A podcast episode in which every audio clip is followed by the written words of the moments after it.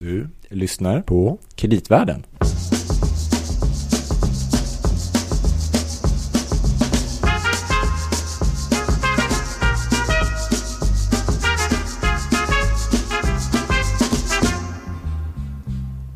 Som ni hör, det här är alltså Kreditvärlden. med Louie och Gabriel. Det stämmer bra. Det är alltså en podcast om kreditmarknaden, finansmarknaden och allting som påverkar den, vilket egentligen är det mesta. Ganska mycket har det visat sig. mycket. Och den påverkar ju i sig väldigt mycket har vi också tagit fasta på genom åren, eller hur Louis? Det kan vara världens viktigaste marknad har det visat sig, kreditmarknaden. Och vi, du sa precis det här att det här, nu är vi tillbaka lite grann på kreditvärldens hemmaplan. Ja, vad skönt att få spela på hemmaplan. Jaha. Eh, för att det är ju så att eh, det, alla snackar lite grann om helt plötsligt hur ska det hända med räntan, eh, Mm. ekonomidelen i DN pratar om bolåneräntorna, var ska de ta vägen? Gratispengarnas tid är över, Ja, exakt. tänker jag. Är det verkligen så då? Jag vet inte. Nej, vi behöver kanske prata lite med en, en riktig nestor på detta, En som kan något om det här. om gratispengar. Ja. Ja. Roger Josefsson. Hej på er! Mm. Hallå! Hej! Men Roger, du är lite, kan man säga att du är en ny skepnad? Eh, precis, jag är eh, inte bara i den sorgliga skepnaden eh, utan nu också eh, som Head of Research på en makrohedgefond som heter Nordkin. Mhm. Ja, vad spännande. Mm. Det känns jättespännande, det är ganska nytt än så länge och det har ju varit ett eh, hiskeligt uppvaknande får man säga för det har varit rätt stökigt. Både på, i makrospåret med inflation Men det var det jag tänkte säga. Alltså, Mm. Även i den här rollen så är du med och bevakar eh, räntemarknadens utveckling. Kan man säga så? Eh, Ja, det kan man definitivt säga. Fa- Faktum är att nu är väl det, det är egentligen det enda fokuset jag har i den här nya rollen. Se till Mm. att jag får rätt på den, eh, på den vyn. Så vi får, vi får se hur det går nu. Men i grunden så är du en makroinriktad nationalekonom Mm. eh, med liksom stora ögon ut på hela världen. Mm. Du har tidigare varit både hållbarhetschef och chefekonom på Danske Bank men även jobbat med eh, eh, liksom makroekonomi i andra sätt, Mm. både myndighet och andra. Yes, Mm. helt riktigt. Då kanske du kan hjälpa till att förklara en del av de här grejerna som har hänt här på sista tiden. Jag kan definitivt försöka. Det har varit lite stökigt. Ja, det, har, det har varit ohyggligt stökigt. Bara, jag, nu ska jag inte, det är inget synd om mig men det var lite intressant. För jag började första februari på det nya giget och andra februari så hade ECB sitt eh, berömda februarimöte. Sen tog det ytterligare två veckor och så blev det krig och sen tog det ytterligare några veckor och så var det inflationstal som fullkomligt exploderade i, på hela, både på Mm. hemmaplan och i Europa. Och, eh, så sent som idag så hade vi väl någon form av flash crash antar jag på, på OMX. Ja, det är Så- väldigt så vad det händer grejer. grejer. Ja. Mm. Och inte minst då förra veckan så, så hade ju Riksbanken penningpolitiskt möte. Mm. Och eh, jag vet inte om man säger att tvärvände, kan man använda det? Det kan man väl. Ja. Ja, Ska man någon gång använda det så är det väl, är det väl nu faktiskt. Och så kom den här frågan. Någon sa nu har vi plusränta i Sverige. Och så sa någon så här, måste man säga plusränta? Ja, det var så länge sedan vi hade en ränta som var positiv. Så att, eh, men kanske om några år kanske inte behöver säga plusränta längre. Nu ska jag höjas ganska snart, snabbt. Ja, väldigt, väldigt snabbt. Man ska ju höja vid varje möte nu under, i alla fall under det här året och sen så är det väl ytterligare ett par möten och sen får vi väl se. Riksbankens bana indikerar ju som sagt en ganska tydlig höjningsfas och dessutom har de ett så kallat alternativscenario där det visar sig att om inflationen då skulle komma lite högre än vad de förväntar sig så kan de gå ännu snabbare fram och det innebär ju då med tanke på hur det ser ut i huvudscenariot att de faktiskt skulle kunna höja med kanske 50 punkter vid någon, något tillfälle. Men vad var det egentligen som hände här då? För att så sent som i februari då hade vi något scenario från Riksbanken att de ska ju höja 2024 och det var inga spridningseffekter i inflationen i sikte för det var bara via energipriset och så vidare. Så vad hände där? Ja, Det som har hänt om man ska göra det väldigt, väldigt enkelt för sig det är ju att inflationen helt enkelt har kommit ut mycket, mycket högre än vad Riksbanken och ja, nästan alla andra förväntade sig också. Och dessutom är det så att den är inte bara begränsad då till inflation och mat och så vidare utan den är också då mer bredbaserad idag än vad den har varit tidigare. Så det är väl de två stora förändringarna. Men givet att Riksbanken och även många andra centralbanker de har ju i stort sett nästan bara inflationen som en sorts policymål. Den ska Mm. ligga på någon viss nivå. Mm. 2% i Sverige. Och eh, ändå så känns det som att man inte är jättebra på att göra inflationsprognoser. Eller hur, eh, hur, kan du, hur gör man? Hur går de till? Eller vad, vad, är det som, vad var det som gjorde att man inte såg det här i... Hur kunde det bli så fel? Ja, precis. alltså så här, jag, jag, jag, är faktiskt ingen stor vän av, av Riksbank-bashing och jag måste säga att det, den prognosen som kom nu senast var väl ändå liksom, tror jag, mer sådär Eh, mer, vad ska man kalla det, mer, kändes mer verklighetsnära än den man hade i februari. Och jag tror att det var det, lite grann det som ställde till det. För i februari mm. såg man ändå ganska tydliga tecken på att någonting hade hänt. Inflationen hade redan börjat sprida sig till andra produktgrupper och den hade ändå gått upp lite mer än vad Riksbanken eh, hade i sina prognoser. Men ändå valde man att inte förändra sin prognos för reporäntan speciellt mycket. Och inte heller liksom ta in då att det kanske skulle kunna bli ännu lite värre. Så, så jag tror att det som, i den mån man blev lurad lite grann på det här är väl, handlar väl om att den prognosen i februari var väl kanske inte helt eh, var väl inte helt genomarbetad kan man väl säga nu så här i efterhand i alla fall. Men det finns det även någonting i att, jag tror någon sagt att eh, eh, centralbanksmodellerna är ganska efterfrågestyrda när man prognostiserar inflation. Så om det är problem med utbud och så vidare så fångas inte det riktigt upp, stämmer det eller? Eh, ja, det som, det som stämmer det är ju att Riksbanken har ju, eller som alla andra centralbanker har ju liksom att managera just, eh, just efterfrågan i ekonomin. De kan göra väldigt, väldigt lite eller ingenting egentligen för att styra utbudet i ekonomin. Och det vi har upplevt nu under en par, tre års tid det har ju varit en, en räcka utbudschocker som det heter. Eh, först började det började får man säga med, med covid och de här olika vågorna som kom. Eh, och där man då har stängt ner stora delar av världsekonomin och det har satt sig på, på leverantörsled, i leverantörsledet och vi vet ju hur det har varit i Kina till exempel. Eh, men sen har vi också då nu på sistone dessutom då fått ett krig på det här som nu har gjort den här utbudschocken än värre får man säga. Mm. Så det, det, är en sak som Riksbanken och skulle jag vilja säga de flesta andra är ganska dåliga på att liksom eh, se igenom och framförallt att ja, hitta något instrument för att hantera. Men känner, menar du att Riksbanken kanske känner sig lite pressad till att agera. Även om de i sina prognoser inte ser att de kommer kunna påverka den här utbudsinflationen särskilt mycket. Eller är det helt plötsligt är det så att de, ska man tolka det som att de ändå tittar på sitt inflationsmål och ser att de här inflationsimpulserna som kommer av utbudsfaktorer kommer påverka till exempel löneförväntningarna och, och, och avtalsrörelsen på ett sätt som gör att de måste liksom sätta upp en röd flagg redan från början? Eller hur ska man tolka liksom, den här vändningen? Jag vet inte om jag har något företräde i den frågan men från mitt perspektiv så är det ju helt klart så att det som centralbankerna framför allt försöker göra oavsett om det är Riksbanken eller Fed eller ECB just nu så är det att hantera just de här effekterna på inflationsförväntningar. Det vill säga den här höga inflationen sätter sig liksom i hur vi sätter priser och vad vi begär för löner etc. Och därigenom kommer det då in i inflation i systemet. Men den andra delen av det som som ändå är ganska intressant är att vi någonstans under den här processen också har, kunnat konstatera att åtminstone i ett land som USA men också i Storbritannien och ja, om man vill vara lite snäll kan man väl säga att man ser lite grann av det i Sverige också. Det är att arbetsmarknaden faktiskt har blivit så ansträngd så att det nu börjar sätta sig på, på eh, löneförväntningarna och inflationen. Och det är ju definitivt någonting som Riksbanken då kan och bör, bör hantera och det är väl det de försöker göra nu. Sen kan man väl diskutera hur fort det ska gå och hur, liksom, hur stressad Riksbanken Riksbanken behöver vara och sådär. Ehm, men, men helt klart upplever nästan alla centralbanker, inklusive Riksbanken, att man nu har så otroligt expansiv penningpolitik och inflationen tar redan fart och man ser ändå att efterfrågan också eh, upprätthålls ganska, ganska, är ganska stark fortfarande. Och därför vill man så att säga komma ikapp. Så jag tror att det är mycket i, i det spåret det ligger just nu, det som håller på att ske. Men precis, på, på det temat då. För att utbudschocken är ju som ena delen av den här höga inflationen. Men mm. sen är det ju också det här med vällen och obalans mellan efterfrågan och utbud. Det vill säga att man stimulerar väldigt mycket.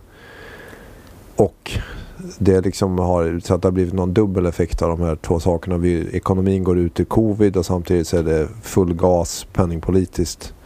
Och i USA även finanspolitiskt. Ja, det, som har, det, det är en kombination av stimulanser och utbudsproblem, eller?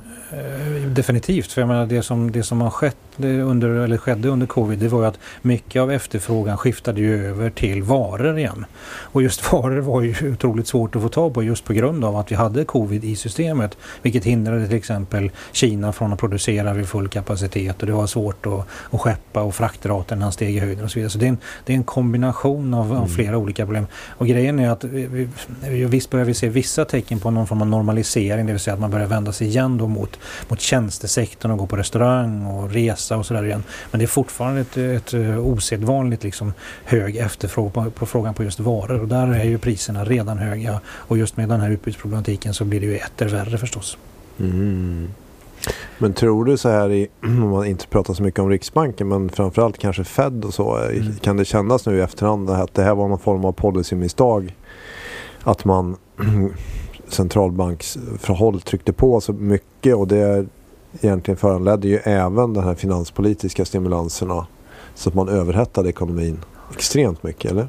Ja, alltså vi vet ju att Riksbanken och de flesta andra centralbanker har ju missat inflationsmålet på nedsidan nu i liksom eh, mer, mer eller mindre hög omfattning under de senaste 10, 15, 20 åren. Och det är klart att eh, det som hände nu var att vi fick ju det här, liksom, vad ska man kalla det, det här testet som vi har pratat om i den här podden, jag har varit med tidigare också, nämligen att när, vad händer när finanspolitiken börjar agera på riktigt? Mm. Och det får man ju ändå säga att den har gjort med de jättelika underskott som man har fört i, i USA, med Europa och Sverige mm. också. Mm. Så det är klart att här fick vi en, en liksom, tycker jag någonstans också ett bevis för att det funkar. Och det tillsammans, den här efterfrågeimpulsen, jättelika efterfrågeimpulsen, tillsammans med ett, ett, ett begränsat utbud kan kan ju liksom inte sluta någon annanstans än i väldigt, väldigt hög inflation.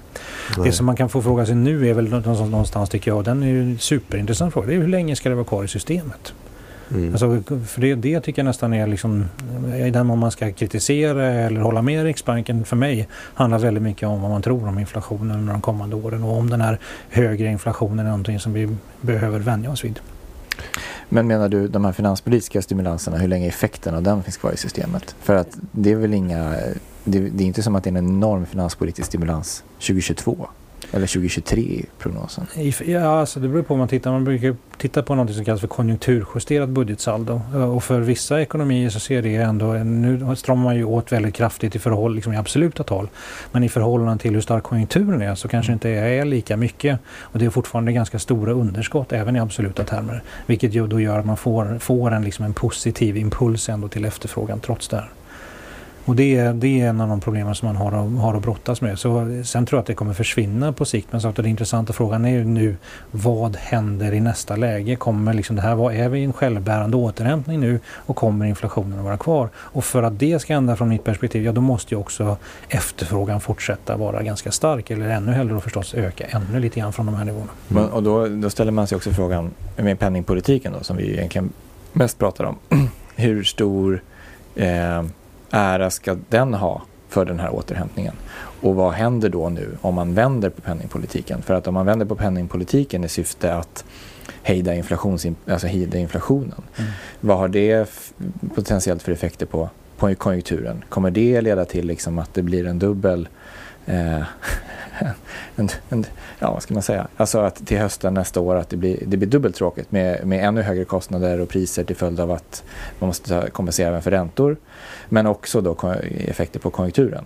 Alltså säga att Ja, från mitt perspektiv så drabbas ju ekonomin egentligen i hela västvärlden av en, dubbel, en dubbelsmocka. Helt mm. enkelt. Och det är ju att nummer ett så är, har ju priserna stigit kraftigt. Och även i länder där lönerna stiger som i USA och Storbritannien så stiger de inte alls i samma hastighet som priserna stiger.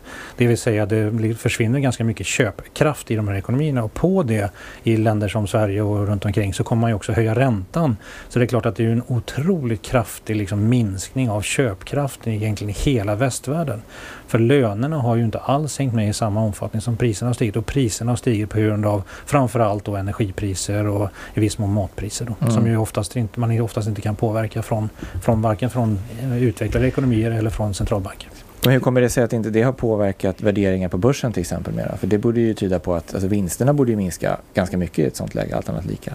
Och både köpkraften minskar och kostnaderna ökar jättemycket för allting som produceras. Ja, eh, ja det, är ju, det är ju lite grann min bild också förstås. Men samtidigt kan man väl bara konstatera att så här långt så upprätthålls ju då eh, vinsterna eh, ganska, ganska väl får man väl ändå säga. Eh, sen skiljer det sig väldigt mycket åt. Vi har ju som vanligt vi har vi alltid bäst data för USA och då kan man väl konstatera att i storföretagen har väl fram till i alla fall nu sett rätt okej okay ut. Men för småföretagen så har det ju faktiskt varit så att man har inte riktigt kunnat kompensera sig, alltså även bland företagen riktigt för för, för de här pris eller, eh, och, och kostnadsökningar som man har mött. Så, så, så var, var ska det här ta vägen nu? Det är ju som sagt återigen, det, det är ju den stora frågan och från mitt perspektiv igen så kan man konstatera att det som marknaderna säger till oss idag, för man ska komma ihåg att realräntan har ändå stigit ganska kraftigt i USA. Och jag brukar titta på den här så kallade five year, five year forward, det vill säga femårsräntan om fem år. Eh, för den kan vara någon form av uttryck tycker jag om vad marknaden tror om ekonomins utveckling på lång sikt. Och då kan man konstatera att dels så är inflationsförväntningarna då där ute faktiskt ganska höga, stigit kraftigt. Men också så har då den här realräntan kommit upp och det måste ju vara ett tecken på att man förväntar sig att ekonomin också ska gå rätt bra. Eller bättre än vad man trodde bara för något eller några år sedan. Så, och det skulle från mitt perspektiv förklara kanske också varför aktiemarknaden ändå har liksom kunnat upprätthålla det. Det finns en förhoppning och en tro om att ekonomin ska liksom ta, klara av den här dubbelsmockan då eh, i termer av prishöjningar. Men, men om man får slänga in en fråga till på det här temat med... Ja, det får vara nog med.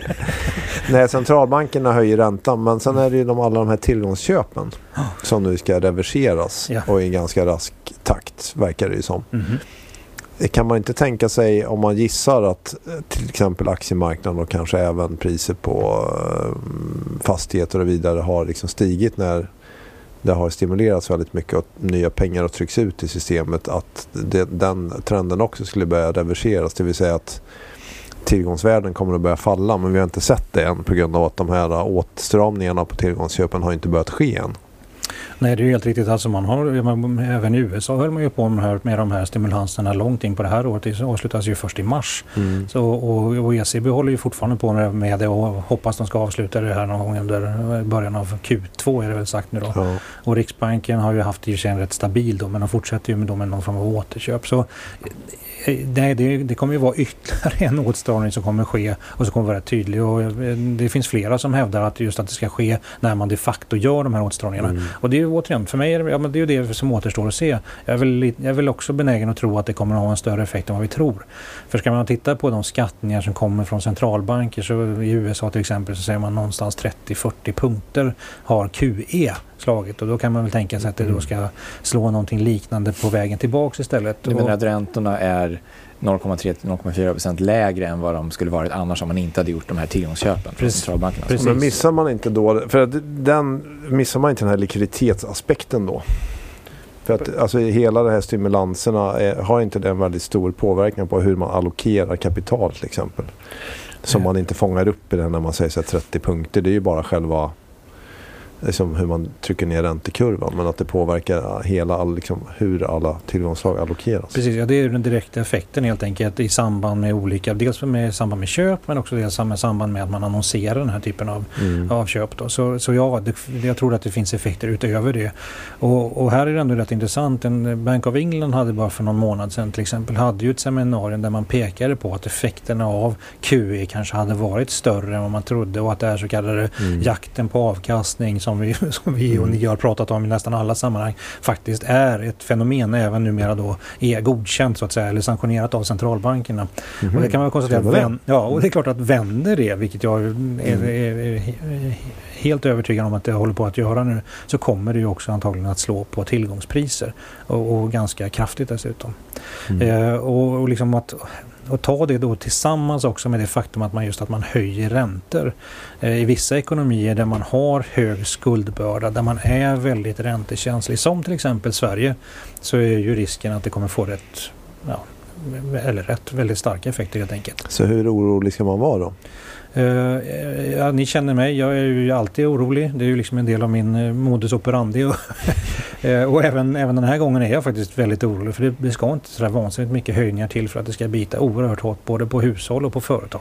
Mm. och jag är väldigt osäker på om företagen kom, kommer att klara av att kompensera sig fullt ut för det. För vi ser redan tecken på att till exempel hushållen faktiskt inte klarar av att upprätthålla sin konsumtion i volymtermer även om de gör det då i nominella eller pristermer. Då. Och i en sån miljö kommer centralbanken att fortsätta tajta? Eller kommer man att då säga nej men det här går inte, nu får vi backa här då? Eh, ja det är definitivt den, den vin jag har. Jag tror definitivt att någonstans down the road och inte sådär vansinnigt långt bort om man ska vara ärlig så kommer man behöva backa från de här höjningarna eller ytterligare höjningar. Så då kan vi rulla på ett tag till då med? Eh, ja, det är väl i och för sig den, det är väl inte en tolkning jag skulle vilja, vilja att någon gjorde. Utan jag skulle ju vilja att folk faktiskt börjar bli lite försiktiga och så till att man hade de här marginalerna etc. etc. Men som sagt var, läser man lite mer noggrant på den statistik som kommer ut så är det väldigt tydligt från nästan alla ekonom ekonomier. Från Sverige, från Euroland, från UK, från US. Vi ser att, att det som man gör är att man upprätthåller konsumtionen i nominella termer ganska väl. Men i reala termer faller den och sparkvoten är väldigt sällan tillräckligt hög för att helt kunna kompensera för det. Och på det ligger det enkla faktum att det är väldigt få som liksom vill dra ner på sitt sparande oavsett om det är företag eller hushåll i en miljö där det till exempel är krig i, i, liksom i grannlandet. Mm. Mm. Så, så... Men, eh, men att man skulle backa det skulle bygga på att inflationen någonstans faller ner för att annars så ger man ju upp sitt inflationsmål och det kan man väl inte gärna göra? Eller? Uh, Ja, det finns ju, jag ska på fullt allvar så tycker jag det finns en sån här strukturell diskussion att ha någonstans där borta. Hur ska man någonsin komma till rätta med de här ständigt stigande skuldkvoterna? Och det har vi ju pratat om också, vi vet jag vid olika tillfällen att ja, det är klart att en lösning är ju alltid att ha lite högre inflation. Men, men här och nu och under liksom någon form av överskådlig framtid så tror jag inte att det kommer vara lösningen. Så nej, jag tror att det kommer backa på grund av att man ser att tillväxten viker så kraftigt så att det sätter sig så mycket på arbetsmarknaden så att det i sin tur sätter sig då på konsumtions och därmed också möjligheten att höja priser. Så det är väl också mycket en timingfråga för jag tänker att nu kommer ju ändå krav på, eh, på, på högre löner från, från alltså från fackligt håll mm. för att kompensera bara för att den här räntehöjningskurvan som, som presenterades förra veckan. Mm. Eh, så frågan är väl vilket som händer först, att man lyckas, att arbetstagarna lyckas pressa fram högre löner för att kompensera för det generella inflations och räntehöjningstrycket. Eller en eventuell avmattning som du precis pratade om, vilket gör att det kanske blir ett tryck neråt mm. på kompensation till arbetstagare? Eller man liksom... Ja, du har helt rätt. Löne, det finns ju två komponenter. Dels finns det liksom de avtalsmässiga lönerna och det vet vi inte förrän i början av nästa år hur de kommer att se ut. Men vi ser ju att löneglidningen, eh, alltså återigen det är väldigt blygsamma indikationer men det ser ut som den börjar stiga lite grann i alla fall och det är ju inte konstigt. För ska man vara riktigt ärlig. Det är en enorm liksom, missmatchning på arbetsmarknaden också med ja, 45 000 vakanser. Och... Precis. Det borde väl ha en effekt på? Ja, faktum är att det, det, det finns ju liksom, eh, jag, jag tog en, en, en, en drog, drog vidare en analys som man har gjort på amerikansk ekonomi där man tittade lite grann på hur eh, antalet sysselsatta eh, plus då, eh, eller hur det matchade med antalet arbetslösa plus antalet lediga jobb. Och där är det ungefär en och en halv procentenhet av arbetskraften som så att säga, eller det skulle behövas en och en halv procentenhet mer eh, i arbetskraften för att man skulle kunna tillgodose all den här efterfrågan på arbetskraft. Och faktum faktum är att tittar man på samma sätt på Sverige så ser det faktiskt nästan lika illa ut trots att vi liksom, om man ska titta på det historiskt har ganska hög arbetslöshet. Men det hänger just samman med att nej, men vi, den arbetskraften, eller rättare sagt den poolen vi har med arbetskraft är kanske inte helt skickad för de jobb som finns att, att söka. Mm. Och vad ska man tro kring ECB då? För jag tänker där finns det kanske ett extra dilemma om man nu börjar strama åt med den här fragmenteringen och vi har Italien och svagare länder. Ska vi komma, kan det blossa upp en ny eurokris här på köpet? Eller? Um, ja, risken finns ju och helt klart är den också i fokus på marknaden för vi ser ju liksom mm. när data kommer in hur marknaden agerar och hur till exempel då spreaden för Italien ofta då har gått isär nu under den senaste tiden och har gått isär liksom mer trendmässigt. Mitt eget perspektiv är att ja, ja, det är klart att vi kan bli oroliga för det men så länge inte liksom tillväxten har vikit så är jag mindre orolig. För mig är liksom det viktiga för att Italien ska klara av de här betalningarna som de har framför sig. Det handlar mycket om att den nominella tillväxten upprätthålls. Det vill säga att både den reala plus då inflationen. Och så länge den gör det så tror jag inte att det är någon fara. Men det som vi har pratat om nu indikerar någonstans att ja men om ett halvår eller ett år ja då kan den här krisen bli väldigt väldigt mycket fulare. För då mm. kanske det är så att den nominella tillväxten har vikit ganska kraftigt. Och då får även Italien problem. Det var det jag tänkte för det låter som att du ändå målar upp lite ett recessionsscenario här eller? Ja, i vanlig ordning höll jag på att säga. Eh, det känns lite grann som ni tar in Inte ens ett sånt här läge. Jag är aldrig besviken på Roger. nej, men, nej, men, nej, men, faktum, nej, men faktum är att jag har, jag, jag, för en gång skulle har man väl ändå varit rätt, något sån rätt på pucken när det gäller inflation, att den skulle ta fart. Och det har ju handlat om just om att ja, men nu har vi ju testat någonting som vi har gått och liksom ropat efter sedan finanskrisen. Mm. Sätt igång finanspolitiken, för det är liksom det enda vi har kvar. Och nu har man gjort det och så visar det sig att det funkar. Och det är liksom, så, så långt är so good. Men frågan är ju bara nu nästa steg. Mm. Vad händer? Och så sagt, jag, jag, jag hade jättegärna varit positiv, men då får någon visa mig vad det är för drivkraft som drar upp produktiviteten på ett sätt så att löner och vinster kan utvecklas liksom på ett sätt som gör att man klarar av den typen av räntehöjningar vi ser idag. Men finns, kan man säga så här att det finns mycket strukturella faktorer i korten framöver som talar för att inflationen kommer att fortsätta vara hög. Det vill säga strukturell brist på energi. Eh, man kommer att, bolag kommer att sourca mer produktion på hemmaplan. Etc. etc. Eller? Eh, ja, eh, det vi pratar om nu ligger för, för mig liksom några månader bort. Jag brukar säga att runt årsskiftet liksom, så kan jag väl tänka mig att vi har, ser det här mer tydligt. Sen kan det komma någon månad tidigare eller senare. Vad, vad kommer vi att se då? Eh, jag menar att det börjar sätta sig på det mer tydligt på tillväxten helt enkelt. Ah, och okej. att, och att det Mm. sen därefter sätter sig på inflationen. Men, så jag tror att vi har åtminstone ett halvår kvar där vi liksom har riktigt höga inflationstal. Ja, Eh. även den- den här sättningen som du pratar om påverkar väl inte den här importerade eller liksom utbudsinflationen? Nej, och framförallt nu kommer, nu kommer väl antagligen den här sättningen bli, i och för sig bli ganska global till sin natur. Eh, så det är klart att det kommer den väl att göra på sikt. Men så att jag tror vi får komma en bit in i nästa år innan det sker. Så stagflation, är det Ja, stagflation är väl ingen... en bra sammanfattning? Ja, eh, hemskt Bra, tråkig. bra. Men, ja, precis, den är inte bra på något sätt egentligen. Men jo, det är väl en, det är väl en sammanfattning i alla fall. Det här kanske är för en som, inte, som är lite yngre då. Mhm. Eh, om man, eh, jag säger inte att du kanske Ga- minns. Gabriel frågar åt en vän. Ja, precis. Jag säger inte att du minns kanske 70-talet, men om man jämför med 70-talets stagflation som man Mm. ändå läste mycket om liksom, i, i böck, läroböckerna och sådär. Eh, Finns det, vad är likheter och skillnader mellan tidigare liksom, perioder av här? Ja, alltså, jag, jag, jag har inte varit en jättevän av den här stagflations liksom, eh, liksom egentligen. För, för mig så är det det som vi såg på 70-talet och den hade ju två komponenter framförallt. Då. Det var ju inte bara att inflationen steg och företagen höjde priser utan också att lönerna steg och tryckte upp då liksom både förväntningar men priserna i sin tur när företagen igen då behövde kompensera sig för, för högre löne, Alltså en lönekrav. ond spiral? En ond spiral. Def, deflation. Ja. Precis.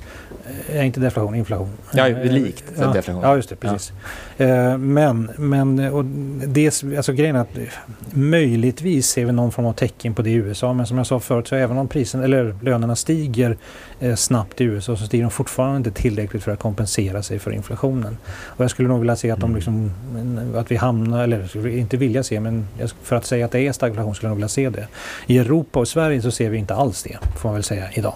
Däremot så ser vi att lönerna stiger och låter, liksom agerar inte centralbankerna alls. Så det är klart att då finns det en stor risk för att det kommer ge upphov till den typen av utveckling. Men nu har de ju nästan alla flaggat för att de kommer att agera. Mm. Och rätt kraftigt dessutom.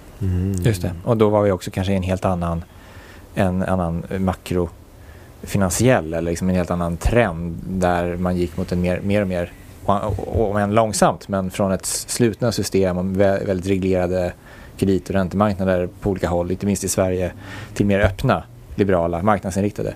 Medan vi nu kanske rör oss lite grann att trenden är åt andra hållet snarare. Eh, ja, Alltså Europa sluter, alltså sätter mer och mer tullar på olika sätt kopplat till klimat. Det kanske är rätt. Men, men, eh, och, och, och det här som Louie nämnde att vi, man tar hem produktion och, Mhm. och så. nej, kanske jag- även finansiella marknader. Ja, men det finns väl rätt, rätt, liksom, rätt många saker som ser annorlunda även upp på den fronten, självklart. Det är inte till tal om det. Eh, och jag tycker själv att eh, en, en sak som jag mer långsiktigt kommer att hålla, försöka hålla lite koll på det är just den här, vad händer egentligen med de här med supply chains, eh, försörjningskedjorna, hur kommer de att utvecklas framöver? För Mm. här hör vi i alla fall rätt mycket om att de kommer att ändras. Och jag tyckte Janet Yellen hade en ganska eh, kul skrivning på det nu när hon var i, i, på IMFs vårmöten. Och det var ju den här, hon kallar det för friendshoring. Det vill säga att man kommer lägga en större del av produktionen då i länder som också är, är politiskt stabila snarare än där det bara är billigast. Och det tillsammans med ändå tror jag någon form av sån här resilienstanke hos företagen.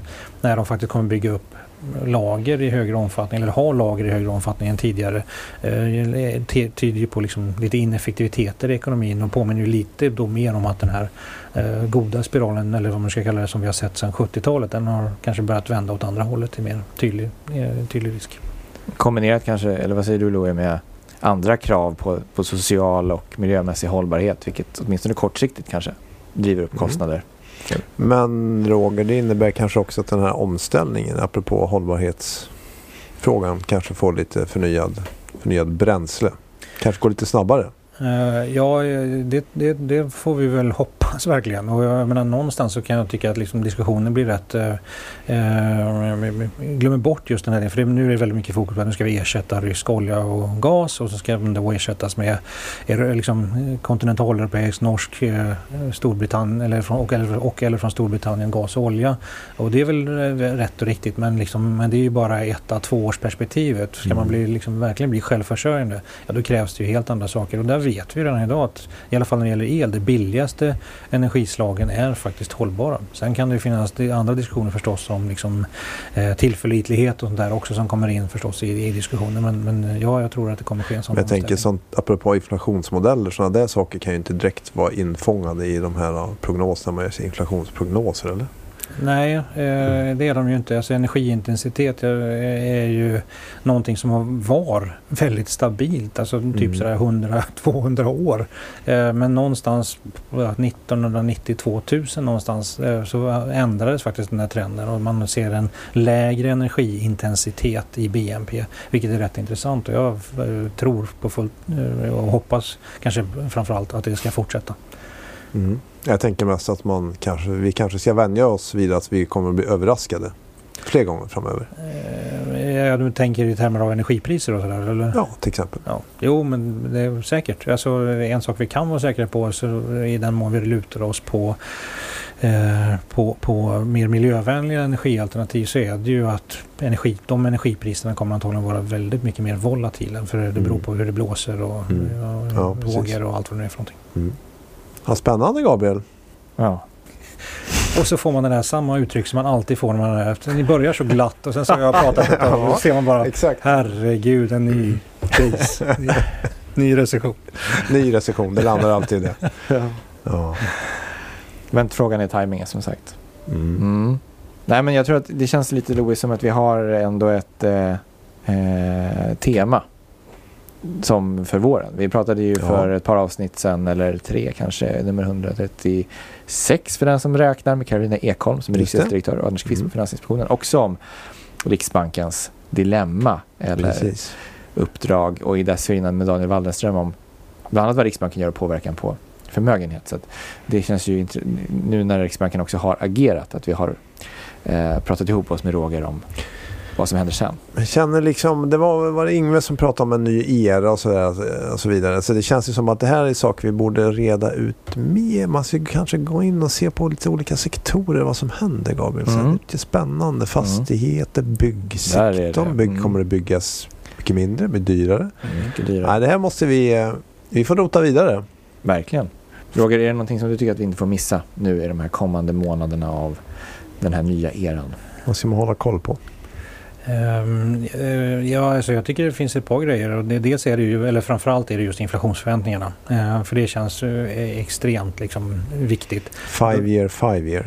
No, alltså marknadsförväntningarna är ett, kan man ju kolla på. Men jag tycker att det kanske är ännu viktigare att titta på vad arbetsmarknadens parter mm. eh, säger om inflationsförväntningar. Det har vi mm. i mhm. Sverige då till exempel den här Prospera-undersökningen som visar. Jaha, ska man titta på den? den tycker, jag tycker att den är ja. ändå är rätt bra att titta på. Nu lät du lite förvånad. Ja. Är det någonting du vill? Nej, ja.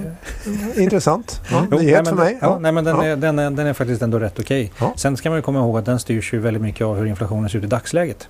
Mm. Men för er som kommer ihåg Lars E.O. Svensson eh, så är en av hans eller, betyd, betydande insatser inom penningpolitiken. Eh, den praktiska penningpolitiken, det var ju den så kallade Lars E.O. Svensson-residualen och den är ju, tycker jag, tittar jag fortfarande på. Och den eh, indikerar idag att inflationsförväntningarna borde faktiskt vara ännu högre givet hur högt, hög inflationen är. Mm. Så den har jag, tog jag lite sådär... Är det hans comforting. residual?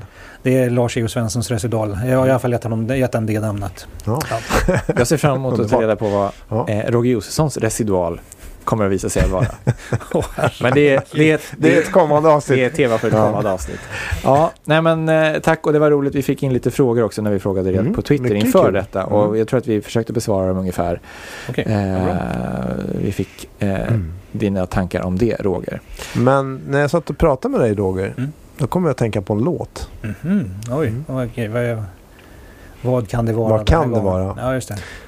Higher and higher.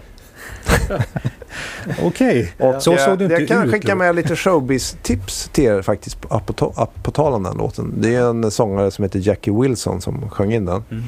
Från Detroit för övrigt. Och det var så här. Kanske lite som du, eh, Roger. För han brukade kallas för Mr Excitement. Okej, ja, Det var, det var ju olika anledningar. Bland, annat- han gjorde ganska mycket schyssta moves och sånt där på scenen. och då var det tydligen så här på den tiden. Jag tror även Elvis Presley säger sig gjorde det. Att innan man skulle in på scen. Då tog man några salttabletter och sen så drack man jäkligt mycket vatten. Mhm. För då skulle man nämligen svettas mycket.